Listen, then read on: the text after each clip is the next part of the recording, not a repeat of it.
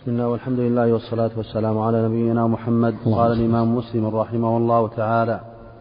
حدثنا قتيبة بن سعيد قال حدثنا يعقوب يعني بن عبد الرحمن يعني بن عبد الرحمن ابن عبد الرحمن عن سهيل عن أبيه عن أبي هريرة رضي الله عنه قال أن رسول الله صلى الله عليه وسلم قال من أشد أمتي ليحب الناس يكونون بعدي يود أحدهم لو رآني بأهله وماله حدثنا أبو عثمان سعيد بن عبد الجبار البصري قال حدثنا حماد بن سلمة عن ثابت البناني عن أنس بن مالك رضي الله عنه أن رسول الله صلى الله عليه وسلم قال إن في الجنة لسوقا يأتونها كل جمعة.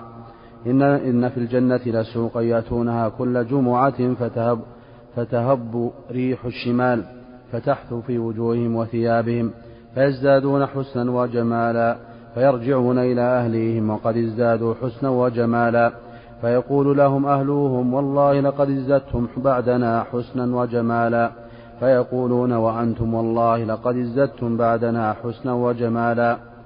حدثني عمرو الناقد ويعقوب بن إبراهيم الدورقي جميعا عن ابن علية واللفظ ليعقوب. قال حدثنا إسماعيل بن علية قال أخبرنا أيوب. عن محمد قال إما تفاخروا وإما تذاكروا. وإما تفاخروا وإما تذاكروا الرجال في وإما تذاكروا الرجال في الجنة. الحديث الأول. الحديث الأول. حدثنا قتيبة بن سعيد. حدثنا قتيبة بن سعيد قال حدثنا يعقوب يعني بن عبد الرحمن عن سهيل عن أبيه عن أبي هريرة رضي الله عنه أن رسول الله صلى الله عليه وسلم قال من أشد أمتي لي حبا ناس يكونون بعدي يود أحدهم لو رآني بأهله وماله. بسم الله الرحمن الرحيم. الحمد لله رب العالمين. صلى الله وسلم وبارك على عبد الله وصلى نبينا محمد وعلى آله وصحبه أجمعين. أما بعد أحمد الله سبحانه وتعالى أن عادنا إلى حلقات دروس العلم ونسأل الله الجميع التوفيق والتسديد والمنافع والعمل الصالح هذا الحديث فيه كما كغيره من الحديث اثبات الجنة والنار وأنهما موجودتان الآن. خلافا للمعتزلة الذين يقولون إنهما لا توجدان إلا يوم القيامة. لأن وجودهم لأن وجودهم لأن وجودهم الآن ولا جزاء عبث والعبث محال على الله. هذا من جهلهم وضلالهم. وهذا الحديث فيه بيان أن أنه يأتي من أمة النبي صلى الله عليه وسلم من يكون شديد الحب له عليه الصلاة والسلام.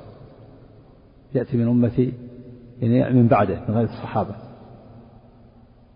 من يود أحدهم أن يرى النبي صلى الله عليه وسلم بأهله وماله يعني بدل أهله وماله. الباء بمعنى بدل.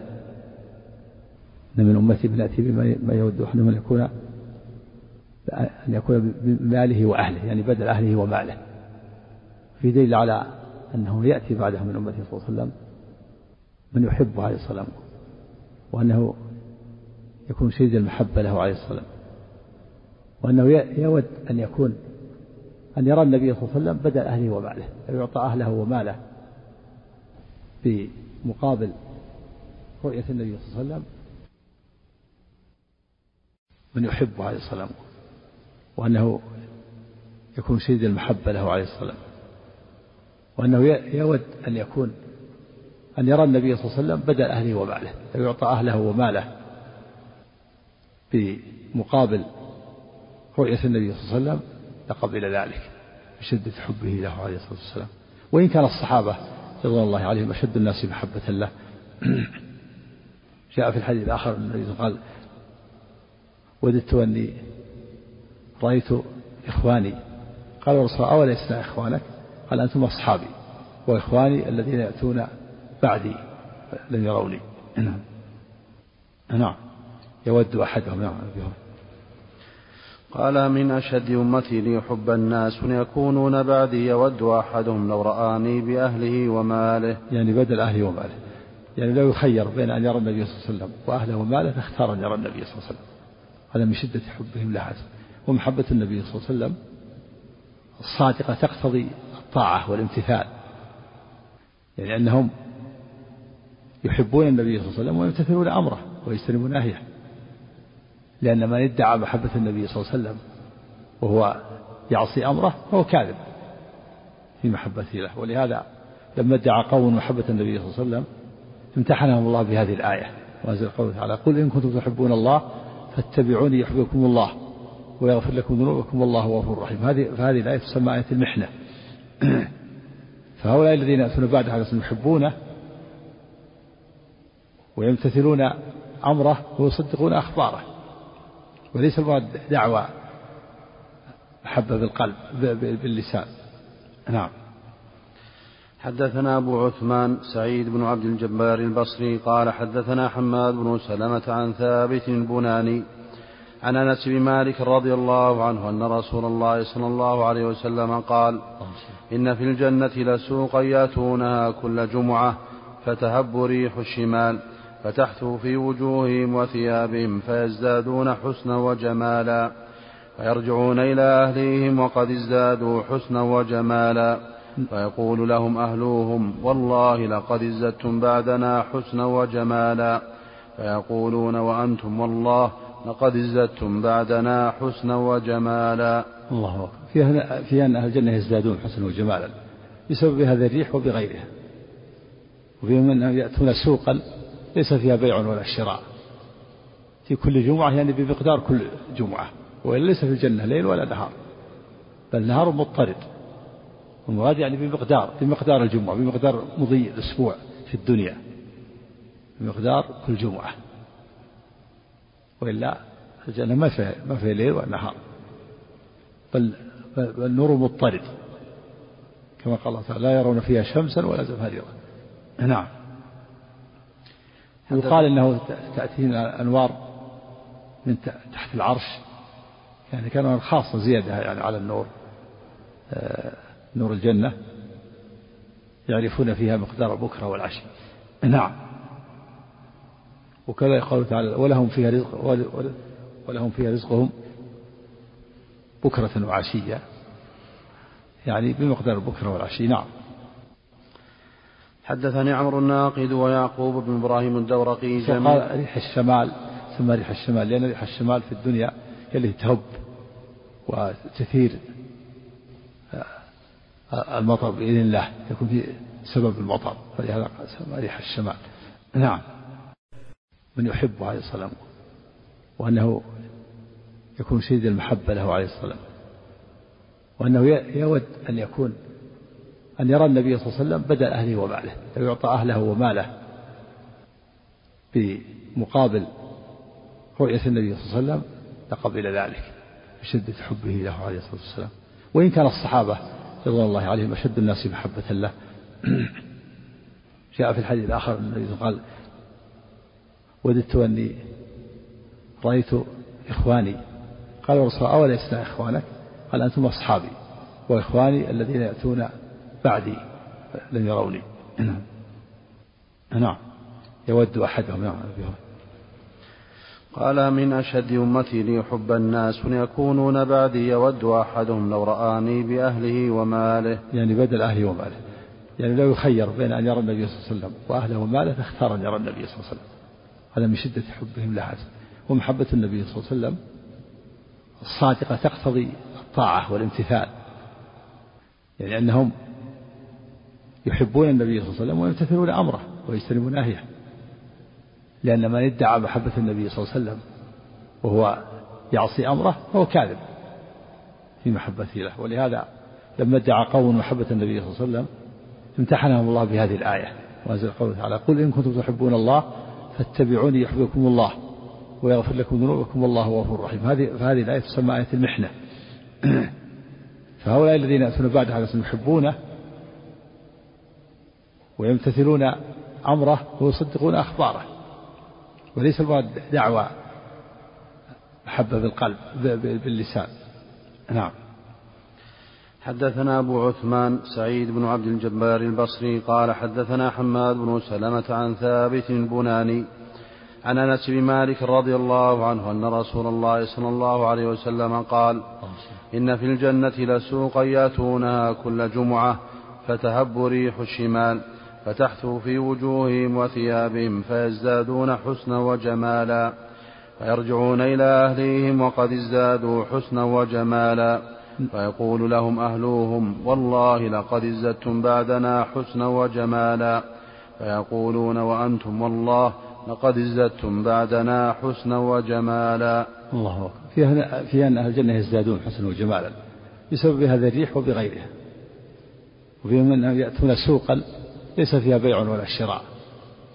في كل جمعة يعني بمقدار كل جمعة وإلا ليس في الجنة ليل ولا نهار بل نهار مضطرد. والمراد يعني بمقدار بمقدار الجمعة بمقدار مضي الأسبوع في الدنيا بمقدار كل جمعة. وإلا الجنة ما فيها ما فيها ليل ولا نهار بل بل نور مضطرد. كما قال الله تعالى لا يرون فيها شمسا ولا زمهريرا نعم. يقال إنه تأتينا انوار من تحت العرش يعني كانوا خاصة زيادة يعني على النور آه، نور الجنة يعرفون فيها مقدار البكرة والعشي نعم. وكذا يقول تعالى ولهم فيها رزق ولهم فيها رزقهم بكرة وعشية. يعني بمقدار البكرة والعشي نعم. حدثني عمرو الناقد ويعقوب بن إبراهيم الدورقي قال ريح الشمال ثم ريح الشمال لأن ريح الشمال في الدنيا هي اللي تهب وتثير آه، المطر بإذن الله يكون في سبب المطر ولهذا ريح الشمال. نعم. حدثني عمرو الناقد ويعقوب بن إبراهيم الدورقي جميعا عن ابن علية واللفظ ليعقوب قال حدثنا إسماعيل بن علية قال أخبرنا أيوب عن محمد قال إما تفاخروا وإما تذاكروا. إما تذاكروا الرجال في الجنة. الرجال في الجنة أكثر أم النساء؟ فقال أبو هريرة رضي الله عنه أولم يقل أبو, أبو القاسم صلى الله عليه وسلم الله إن أول زمرة تدخل الجنة على صورة القمر ليلة البدر والتي تليها على أضواء كوكب دري في السماء. لكل امرئ منهم زوجتان اثنتان يرى مخ سوقهما من وراء اللحم وما في الجنة أعزب. الله أكبر. الجنة أكثر أهلها النساء والنار أكثر أهلها النساء. أكثر أهل النار النساء وأكثر أهل الجنة النساء. أما كون أكثر أهل النار النساء فلأنهن يتعرض يتعرضن لأسباب دخول النار أكثر من الرجال. كما جاء في الحديث يكثرن اللعن ويكفرن العشير. وهذا من أسباب دخول كثرة اللعن وكفران العشير وهو الزوج. يعني كفران الإحسان إحسان الزوج. لو أحسن إلى إحداهن الدهر ثم رأى شيئا قالت ما رأت خيرا قط. وأما كون النساء أكثر الجنة فلأن في الجنة الحر العين. زيادة على نساء أهل الدنيا. وفيه أنه ليس في الحديث ليس في الجنة أعزب والذي لا زوجة له. لا عزب يقال أعزب ويقال عزب. الرجل الذي لا زوج له أعزب والمرأة التي لا زوج لها أعزب. ليس في الجنة رجل أعزب لا من الرجال ولا من النساء. الكل مزوجون من الرجال والنساء. ليس في الجنة أعزب ما في عزاب في الجنة ما في إلا متزوجون رجال ونساء. لا يوجد أعزب من الرجال ولا يوجد أعزب من النساء بل كلهم مزوجون. ولكل امرئ منهم زوجتان اثنتان. يعني من الحور العين. كل واحد من الجنة له زوجتان اثنتان من الحور العين هذا أقل أقل واحد. وهذا غير نساءه غير زوجات النساء أهل الدنيا وغير ما يزوج كل واحد منهم من الزيادة قد زوج خمسين أو مئة أو أكثر. لكن هذا أقل واحد له زوجتان ستان وبهذا يتبين أن النساء أكثر في الجنة. إذا كان كل واحد له زوجات عديدة من الذكور فيكون الزوجات النساء أكثر. نعم ومن جمال يرى مخ سوقها من وراء اللحم والعظم من الجمال والصفاء. ينفذ بصره جمالها من وراء الثياب ومن وراء اللحم والعظم نعم. حدثنا ابن أبي عمر قال نعم. وهذه الجنة دار دار كرامة لمن عمل العمل عمل عملها ومن أراد الآخرة وسعى لها سعيها وهو مؤمن. فأولئك كان سعيهم مشكورا. لابد هذه الشروط أن يسعى أن يريد الآخرة وأن يسعى لها سعيها وأن يكون من المؤمنين. قال الله تعالى وتلك, وتلك الجنة التي أورثتموها بما كنتم تعملون. قال سبحانه أدخلوا الجنة بما كنتم تعملون. فالأعمال سبب والدخول دخول الجنة برحمة الله. فمن أتى بهذا السبب نالته الرحمة. فدخل الجنة. ومن لم يأتي بالسبب وهو العمل الصالح لم تناله الرحمة. ولا حول ولا قوة إلا بالله. نعم. حدثنا ابن أبي عمر قال حدثنا سفيان عن أيوب عن ابن سيرين قال اختصم الرجال والنساء أيهم في الجنة أكثر. فسألوا أبا هريرة رضي الله عنه فقال قال أبو القاسم صلى الله عليه وسلم بمثل حديث ابن علية وحدثنا قتيبة بن سعيد قال حدثنا عبد الواحد يعني بن زياد عن عمارة بن القعقاع قال حدثنا أبو زرعة قال سمعت أبا هريرة رضي الله عنه يقول قال رسول الله صلى الله عليه وسلم أول من يدخل الجنة حاء وحدثنا قتيبة بن سعيد وزهير بن حرب واللفظ لقتيبة. قال حدثنا جرير عن عمارة عن أبي زرعة. عن أبي زرعة عن أبي هريرة رضي الله عنه قال قال رسول الله صلى الله عليه وسلم اللهم إن أول زمرة يدخلون الجنة على صورة القمر ليلة البدر والذين يلونهم على أشد كوكب دري في السماء ضاءة لا يبولون ولا يتغوطون ولا يمتخطون ولا يدخلون. أمشاطهم الذهب ورشحهم المسك ومجامرهم الألوة وأزواجهم الحور العين. أخلاقهم على خلق رجل واحد على صورة أبيهم آدم ستون ذراعا في السماء. هذا هذه أوصاف الجنة هذه وصف الجنة وأوصافها. أول زمرة يدخلون الجنة على صورة القمر ليلة البدر. حينما يكون القمر بدرا يستدير ويستنير في منتصف الشهر ليلة الرابعة عشرة وليلة الخامسة عشرة. وجوههم مستنيرة هذه أول زمرة. أول زمرة أول دفعة. يدخلون الجنة على صورة القمر ليلة البدر. صورة ثم الزمرة الثانية كأضواء كوكب دري. كأشد الكواكب إضاءة ثم تتوالى الزمرات ولعل الزمرة الأولى هم الذين يدخلون الجنة بغير حساب ولا عذاب أو زمرة الأنبياء والرسل عليهم الصلاة والسلام. من أوصافهم لا يبولون ولا يتغوطون ولا يمتخطون ولا يبصقون ولا يسفلون. لا يبولون ولا يتغوطون. جاء في الحديث الآخر؟ كيف يكون الطفل؟ من المعلوم أن الذي يأكل ويشرب لابد أن يكون له طفل.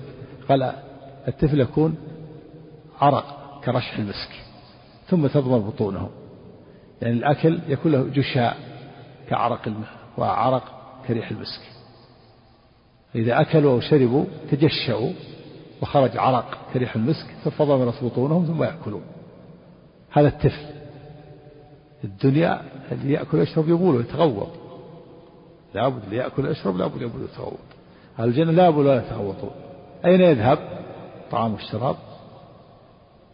يذهب كرش المسك جشع يتجشؤونه وعرق. يأخذ المسام الجلد ليس له رائحة كريهة بل كرشح المسك.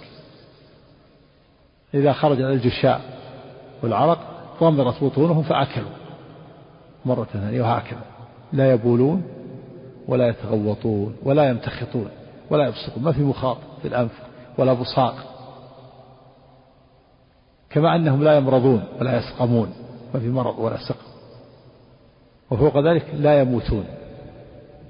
كما أنهم لا لا يهرمون ولا يشيبون ما في ما في الجنة فيه شيبة أو شيخ أو هرم كلهم شباب.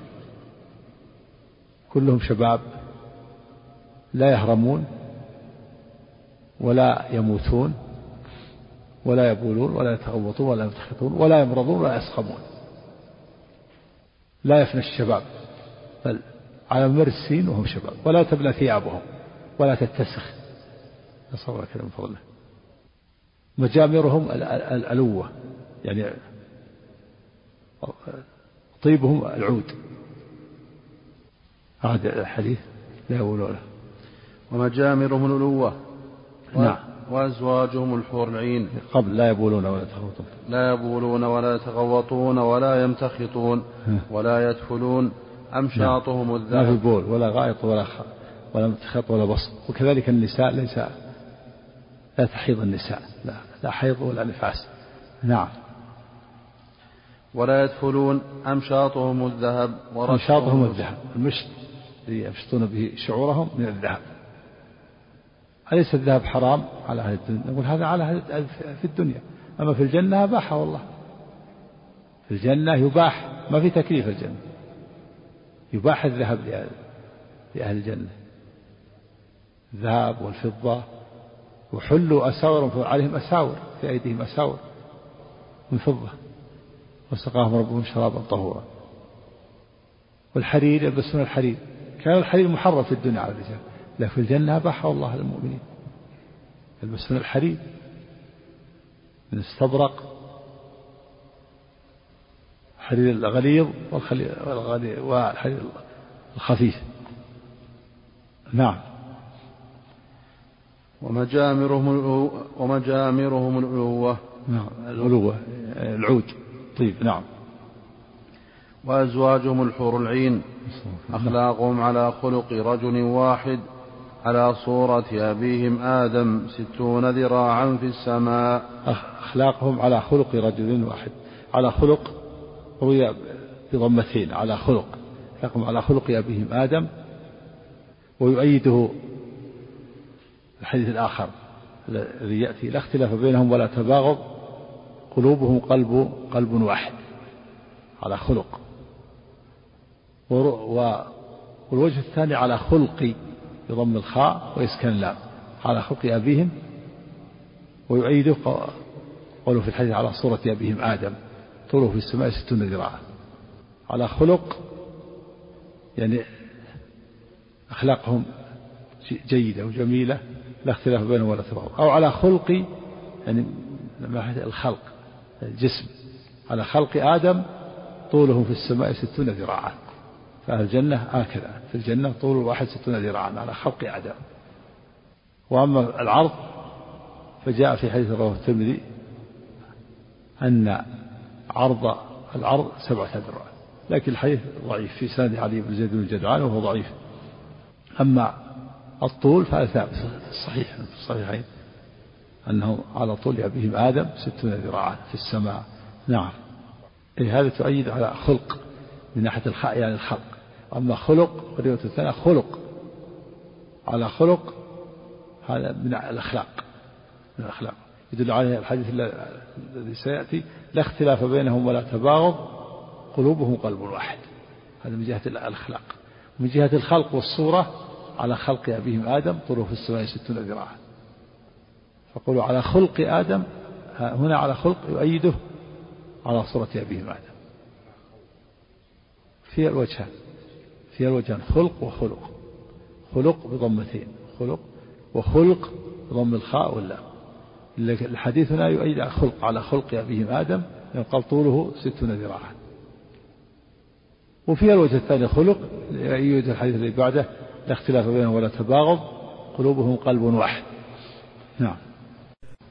حدثنا أبو بكر بن أبي شيبة وأبو كريب قال حدثنا أبو معاوية عن الأعمش عن أبي صالح عن أبي هريرة رضي الله عنه قال قال رسول الله صلى الله عليه وسلم اللهم أول زمرة تدخل الجنة من أمتي على صورة القمر ليلة البدر ثم الذين يلونهم على أشد نجم في السماء ضاءة ثم هم بعد ذلك منازل لا يتغوطون ولا يبولون ولا يمتخطون ولا يبزقون أمشاطهم الذهب ومجامرهم الألوة ورشحهم المسك أخلاقهم على خلق رجل واحد على طول أبيهم آدم ستون ذراعا على طول أبيهم آدم ستون ذراعا.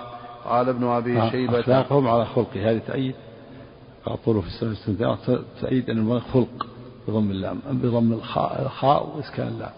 نعم. على طول أبيهم آدم ستون ذراعا. قال ابن أبي شيبة على خلق رجل وقال أبو كريب على خلق رجل. خلق. على خلق رجل. يعني فيها الوجه. خلق وخلق. خلق. نعم. وقال ابن أبي شيبة على صورة أبيهم. حدثنا محمد بن رافع قال حدثنا عبد الرزاق قال حدثنا معمر عن همام بن منبه قال هذا ما حدثنا أبو هريرة رضي الله عنه. عن رسول الله صلى الله عليه وسلم فذكر أحاديث منها وقال رسول الله صلى الله عليه وسلم أول زمرة تلج الجنة صور صور صورهم على صورة القمر ليلة البدر لا يبصقون فيها ولا يمتخطون ولا يتغوطون فيها آنيتهم وأمشاطهم من الذهب والفضة ومجامرهم من الألوة ورشحهم المسك ولكل واحد منهم زوجتان يرى مخ ساقهما من, من وراء اللحم من الحسن لا اختلاف بينهم ولا تباغض. يرى يرى مخ ساقهما من وراء اللحم من الحسن لا اختلاف بينهم ولا تباغض. قلوبهم قلب واحد يسبحون الله بكرة وعشيا. قوله الاختلاف بين التباغض هذا يعيد خلق يسبحون الله بكرة وعشيا يعني بمقدار البكرة والعشي. ومثل قوله تعالى ولهم رزق فيها بكرة وعشية. يعني بمقدار البكرة والعشي بمقدار مضي أول النهار وآخر النهار في الدنيا. وإلا فليس عندهم ليل ولا نهار بل نهار مضطرد. نعم. حدثنا عثمان بن أبي شيبة وإسحاق بن إبراهيم واللفظ لعثمان قال عثمان حدثنا وقال إسحاق أخبرنا جرير عن الأعمش عن أبي سفيان عن جابر رضي الله عنهما قال سمعت النبي صلى الله عليه وسلم يقول إن أهل الجنة يأكلون فيها ويشربون ولا يتفلون ولا يبولون ولا يتغوطون ولا يمتخطون. قالوا فما بال الطعام؟ قال جشاء قال جشاء ورجح كرشح المسك. يلهمون التسبيح والتحميد كما تلهمون النفس. يعني قيل فما بال الطعام؟ أين يذهب؟ وأين يذهب التفل؟ قال يكون جشاء.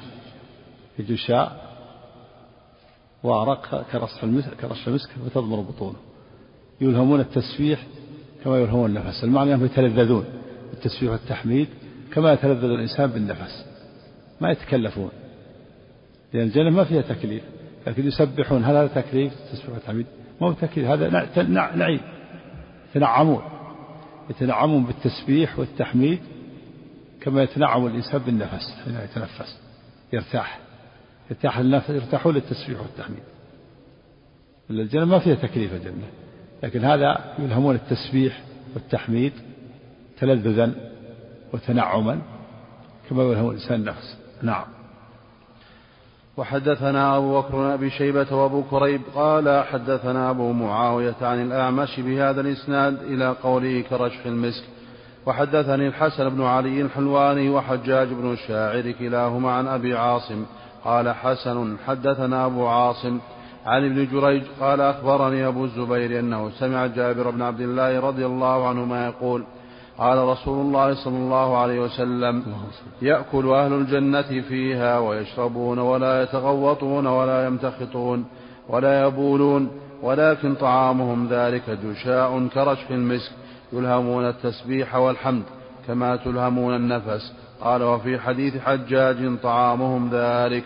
نعم. وحدثني سعيد بن يحيى وحدثني سعيد بن يحيى الأموي. قال حدثني أبي قال حدثنا ابن جريج. قال أخبرني أبو الزبير عن جابر رضي الله عنهما عن النبي صلى الله عليه وسلم بمثله. غير أنه قال ويلهمون التسبيح والتكبير كما تلهمون النفس. حدثني زهير بن حرب قال حدثنا عبد الرحمن بن المهدي قال حدثنا حماد بن سلمة عن ثابت عن أبي رافع عن أبي هريرة رضي الله عنه عن النبي صلى الله عليه وسلم قال من يدخل الجنة ينعم ينعم لا ييأس لا تبلى ثيابه ولا لا يبأس. ينعم لا يبأس. من البؤس قال من يدخل أحسن عليك قال من يدخل الجنة ينعم لا يبأس لا تبلى ثيابه ولا يفنى شبابه. حدثنا إسحاق. من يدخل الجنة ينعم لا يبأس. من يدخل الجنة ينعم لا يبأس. روي بالجزم على أنها جواب الشرط ومن شرطية. من يدخل الجنة ينعم ولا يبأس. وروي ينعم بالرفع على أنها على أن من موصولية ويكون وتكون جملة خبر. والمؤت دما ما يدخل الجنة يعني فهو ينعم. نعم. ينعم وينعم. نعم على وجه نعم لا يبأس ضد النعم لا تصيبه البأس والشدة والشقاء. نعم. وفيه تصريح بأنه لا يفنى الشباب ولا تبلى الثياب. الشباب دائم مستمر والثياب كذلك ما تبلى. نعم. بخلاف الدنيا فإن الشباب يفنى يأتي بعده الشيخوخة والهرم ثم الموت والثياب تبلى نعم.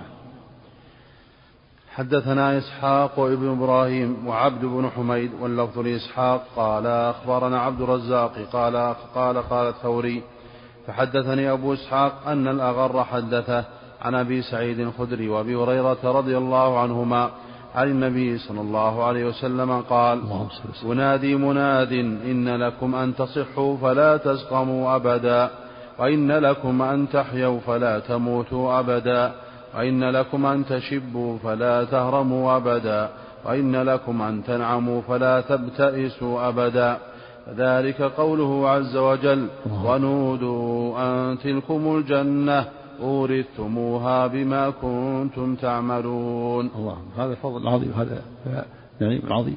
ينادي يا جنكم أن تنعموا فلا تبأسوا أن تصحوا فلا تسقموا صحة دائمة ما في سقم ولا مرض وأن تشبوا فلا تهرموا شباب دائم لا هرم وأن تنعموا فلا تبأسوا نعيم ولا شقاء. وأن تحيوا فلا تموتوا. إيش بعد هذا؟ حياة صحة دائمة وحياة دائم. وشباب دائم ونعيم دائم. نسأل الله كريم فضله نسأل الله أجر يكون نعم.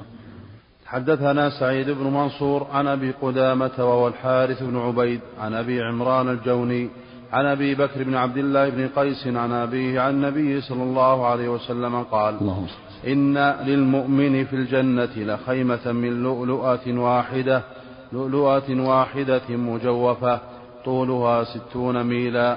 للمؤمن فيها أهلون يطوف عليهم المؤمن فلا يرى بعضهم بعضا. الله أكبر نعم. وحدثني أبو غسان مسمعي قال حدثنا أبو عبيد قال حدثنا أبو عبد الصمد قال حدثنا أبو عمران الجوني عن أبي بكر بن عبد الله بن قيس عن أبيه أن رسول الله صلى الله عليه وسلم قال في الجنة خيمة من لؤلؤة مجوفة عرضها ستون ميلا. في كل زاوية منها أهل ما يرون الآخرين يطوف عليهم المؤمن. وحدثنا وحدثنا وحدثنا أبو بكر بن أبي شيبة قال حدثنا يزيد بن هارون قال أخبرنا همام عن أبي عمران الجوني عن أبي بكر بن أبي موسى بن قيس عن أبيه عن النبي صلى الله عليه وسلم. اللهم قال الخيمة درة طولها في السماء ستون ميلا في كل زاوية منها أهل. للمؤمن لا يراه أهل أهل في, زاو كل زاوية منها أهل للمؤمن لا يراهم الآخرون. ما هذه الخيمة خيمة عظيمة طول ستون ميلا والميل كيلوين إلا ربع أو قريب ماذا ماذا تكون هذه الخيمة؟ ليست خيمة من من من الخرق من درة مجوفة. الدر خيمة. طولها ستون ميلا. ماذا نهايتها. وزواياها كذلك من جميع الجهات. ستين, ستين ميل لو تعطى ملك الآن ستين كيلو بس من جهة واحدة ماذا ماذا يكون في الدنيا؟ تقريبا طولها مئة مئة كيلو من جميع الجهات. مرتفعة. وكل زاوية من زواياها أهلون يطوف عليهم من لا يرى بعضهم بعضا. ولعل هذا لا يرى يعني بعض الأحيان. وإلا في الجنة ليس فيها بين غيره كما يكون بين نساء الدنيا. لعل هذا يكون أحيانا. في كل زاوية من زوايا هذه الدرة للمؤمن أهلون يطوف عليهم لا يرى بعضهم بعضا نعم. حدثنا أبو بكر بن أبي شيبة قال حدثنا أبو أسامة وعبد الله بن نمير وعلي بن مسهر عن عن عبيد الله بن عمر. حاء وحدثنا محمد بن عبد الله بن نمير قال حدثنا محمد محمد بن بشر قال حدثنا عبيد الله عبيد الله عن خبيب بن عبد الرحمن عن حفص بن عاصم عن أبي هريرة رضي الله عنه قال قال رسول الله صلى الله عليه وسلم سيحان وجيحان والفرات والنيل كل من أنهار الجنة. حدثنا حجاج بن الشاعر قال حدثنا أبو النضر هاشم, هاشم بن القاسم الليثي قال حدثنا إبراهيم يعني بن سعد قال حدثنا أبي عن أبي سلمة عن أبي هريرة رضي الله عنه عن النبي صلى الله عليه وسلم قال يدخل الجنة أقوام أفئدتهم مثل أفئدة الطير. نعم مثل أفئدة الطير يعني لرقتها وضعفها. كما في الحديث أتاكم أهل اليمن أرق قلوبا وأضعف أفئدة. وقيل مثل أفئدة الطير من الخوف من الخوف والهيبة من الخوف والهيبة. لأن الطير عنده خوف شديد. وهذا وهؤلاء قوم قال العلماء هؤلاء قوم غلب عليهم الخوف كما حصل بعض العباد وغيره. يدخل الجنة قوم مثل الطير يعني لدقتها وضعفها وخشوعها. وخشية الله عز وجل أو أفئدة الطير من من الخوف والهيبة والإجلال لله عز وجل. وأما السيحان والجيحان والسيحان والجيحان والنيل والفرات من أنهار الجنة قال المعنى قيل المعنى أنه يعمها الإيمان أو أن الأجسام التي تغذى بها صائرة في الجنة. والقول الثاني أنه أصلها من الجنة وهذا هو الصواب أن أصلها أصلها من الجنة. ثم بعد ذلك حصل لها تغير لما جرت في الأرض. على تراب الأرض وحجارته حصل لها بعض التغير. وإن كان أصلها من الجنة. مثل مثل أهبط لما أهبط آدم من الجنة. مثل ما أهبط الحجر الأسود إلى الجنة. يكون أصلها جاء في سبق في الحديث الإسراء أن النبي النبي رأى أن سدرة المنتهى يخرج من أصلها أربعة أنهار. قال النووي قال السيحان وجيحان غير سيحون وجيحون. أن السيحان وجيحان سيحون سيحان وجيحان من بلاد الأرمن قريب من الشام وأما تلك بعيدة. وقيل لا لا سيحان وجيحان هما سيحون سيحون وجيحون. نعم. حدثنا محمد بن رافع قال حدثنا عبد الرزاق قال أخبرنا معمر عن همام بن نبه قال هذا ما حدثنا به أبو هريرة رضي الله عنه عن رسول الله صلى الله عليه وسلم. اللهم فذكر أحاديث منها وقال رسول الله صلى الله عليه وسلم اللهم خلق الله عز وجل آدم على صورته طوله ستون ذراعا فلما خلقه قال اذهب فسلم على أولئك النفر وهم نفر من الملائكة جلوس فاستمع ما يحيونك فإنها تحيتك وتحية ذريتك. قال فذهب فقال السلام عليكم فقالوا السلام عليك ورحمة الله. قال فزادوه ورحمة الله.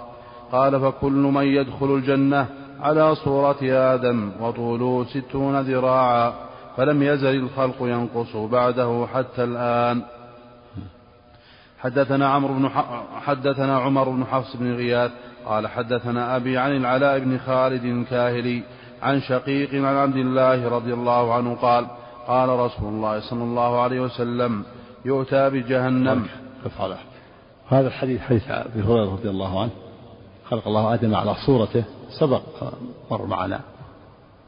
وأن المراد بالقول على صورته يعود إلى الله. على صورته يعود إلى الله. وفيه إثبات الصورة لله عز وجل. ولله صورة صفة من صفاته كسائر الصفات. وأن كل موجود له صورة. قائمة وليس المراد الضمير وليس المراد أن الضمير راجع إلى آدم كما قاله بعضهم كما ذكره النووي الآن. بل هذا فالآدم ليس له صورة قبل أن يخلقه الله. ولهذا لما سأل ابن الإمام أحمد رحمه الله قال خلق الله آدم على صورته صورة آدم فقال هذا قول الجهمية. أي صورة لآدم قبل أن يخلقه الله؟ هذا قول باطل قول الضمير يعود إلى صورة آدم. وأبطل منه من يقول أن الضمير يعود إلى المضروب وأنه تشبيه مقلوب. وأن قال إذا قاتل أحدكم الحديث الآخر إذا قاتل أحدكم فليتقي الوجه فإن الله خلق آدم على صورته يعني على صورة المضروب. يكون من باب التشبيه المقلوب كما ذكر الرازي في بيان في تأسيس التقديس. قد رد عليه أبو العباس ابن تيمية رحمه الله في كتابه بيان تلبيس الجهمية. والرازي ذكر الأقوال الثلاثة. خلق الله آدم على صورة على صورة المضروب أو على صورة آدم أو يعود إلى الله. والقولان أولا باطلان. والصواب أن الضمير يعود إلى الله. ويؤيد هذا الرواية الأخرى. خلق الله آدم على صورة الرحمن. قال حافظ الحجر سندها جيد. وفي إثبات الصورة لله عز وجل. ونصيفة من صفاته. وليس في ذلك تشبيه. وهو الحديث يقتضي نوعا من المشابهة. وهي المشابهة في مطلق وهي المشابهة في مطلق الصورة. لا في الجنس والمقدار. ومن رأى صورة الماء ومن رأى صورة القمر في الماء أو في المرآة قال هذه صورة القمر. ولكنها تشبهها في مطلق المشابهة لا في الجنس ولا في المقدار. أما المشابهة بين الخالق, والمخلوق فهي منفية بالنص والإجماع.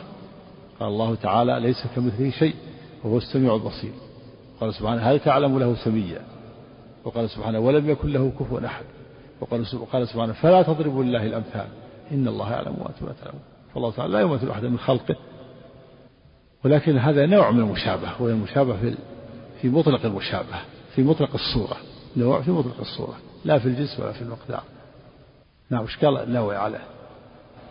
هذا الحديث سبق شرحه وبيان تأويله وهذه الرواية ظاهرة في أن الضمير في صورته عائد إلى آدم وأن المراد أنه خلق في, خلق في أول نشأته على صورته التي كان عليها في الأرض وتوفي عليها وهي طوله ستون ذراعا ولم ينقل أطوارا كذريته.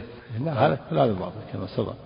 يقول خلق آدم على صورته الله ثم قال طوله في السماء ستون ذراعا أي آدم. طوله أي آدم في السماء ستون ذراعا. يدل على الجنة التي يدخل حينما يدخلون يكون على صورة آدم. يقول ارجع أولئك النفر من الملائكة جلوس فاستمع ما يحيونك فإن تحيتك وتحية أمتك. فجاء فقال السلام عليكم. فقالوا السلام عليك ورحمة الله. في أنه لا, لا بأس برد السلام أنه قال السلام عليك أو يقول عليك السلام. وفي أنهم زادوه فقالوا رحمة الله. أنه ينبغي للمسلم عليه نزيد السلام عليك ورحمة الله. وفيه مشروعية السلام من قبل الآتي. ولهذا آدم أتى إليهم وهم جلوس. في أن الماشي يسلم على الجالس. هذا هو الأفضل. جاء إليهم فجل وهم جلوس فسلم عليهم. فقالوا فقال السلام عليكم. فردوا عليه فقالوا السلام عليك ورحمة الله. زادوه. في دليل لا بأس أن يرد السلام قال السلام عليكم. وإذا حي زادوه فهذا أفضل. قال الله تعالى وإذا حييتم بتحية فحيوا بأحسن منها أو ردوها. إن الله كان على كل شيء حسيبا.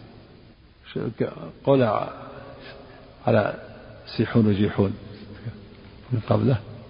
اعلم أن سيحان وجيحان غير سيحون وجيحون فأما سيحان وجيحان المذكوران في هذا الحديث اللذان هما من أنهار الجنة في بلاد الأرمن. فجيحان نهر المصيصة وسيحان نهر إذنة. إذنة. وهم وهما نهران عظيمان جدا أكبرهما جيحان فهذا هو الصواب في موضعهما. وأما قول الجوهري في صحيحه جيحان نهر بالشام فغلط. أو أنه أراد المجاز من حيث أنه ببلاد الأرمن وهي مجاورة للشام قال الحازمي سيحان نهر عند المصيصة فقال وهو غير سيحون وقال صاحب نهاية الغريب سيحان وجيحان نهران بالعواصم عند المصيصة وطرسوس واتفقوا كلهم على أن جيحون بالواو نهر وراء خرسان عند بلخ واتفقوا على أنه غير جيحان وكذلك سيحون غير سيحان. وأما قول القاضي عياض هذه الأنهار أربعة أكبر أنهار بلاد الإسلام فالنيل بمصر والفرات بالعراق وسيحان وجيحان ويقال سيحون وجيحون ببلاد خراسان وفي كلامه إنكار من أوجه أحدهما أحدها قوله الفرات بالعراق وليس بالعراق بل هو فاصل بين الشام والجزيرة والثاني قوله سيحان وجيحان ويقال سيحون وجيحون فجعل الأسماء مترادفة. وليس كذلك بل سيحان غير سيحون وجيحان غير جيحون. على كل حال أنه أنكر أن تكون سيحان وجيحون وغيره أثبت. قال سيحان سيحون وقال سيحان وسيحون وجيحان وجيحون قال المسألة هذه تأمل أنه أنكر قال الذي أنكر سيحان وجيحان غير سيحون وجيحون. وبعضهم قال هي هي يقال سيحان ويقال سيحون يقال جيحان ويقال جيحون. نعم بركة سم لما ما في بلوغ سم أحدها أن عم بلادها. يعني هذا التأويل يقول من أهل الجنة يعني أن الإيمان يعمها ويدخل أهلها الجنة أو أن اللي يشربون منها مؤمنون يصلون إلى الجنة. هذا تأويل. والقول الثاني أن أصله أصلها من الجنة نزل من الجنة. ثم بعدها حصل تغير. وهذا هو الأقرب ما جاء في الحديث النبي صلى الله عليه وسلم في ليلة المعراج رأى يخرج منها أربعة أنهار وهي النيل والفرات والسحان وجيحان يعني أصل أصل المادة من هناك من الجنة والجنة موجودة. ثم بعد ذلك يحصل يحصل تغير. هذا التأويل الثاني. نعم سم هذه ثابتة ذكر الحافظ بن حجر في الجزء الحادي عشر أن سندها جيد في الشرح. ها؟ أن أصل المادة أنها حلاوة الماء وجمالها الأنهار حالية جدا من أجمل الأنهار وألذها نعم بسم الله الرحمن الرحيم.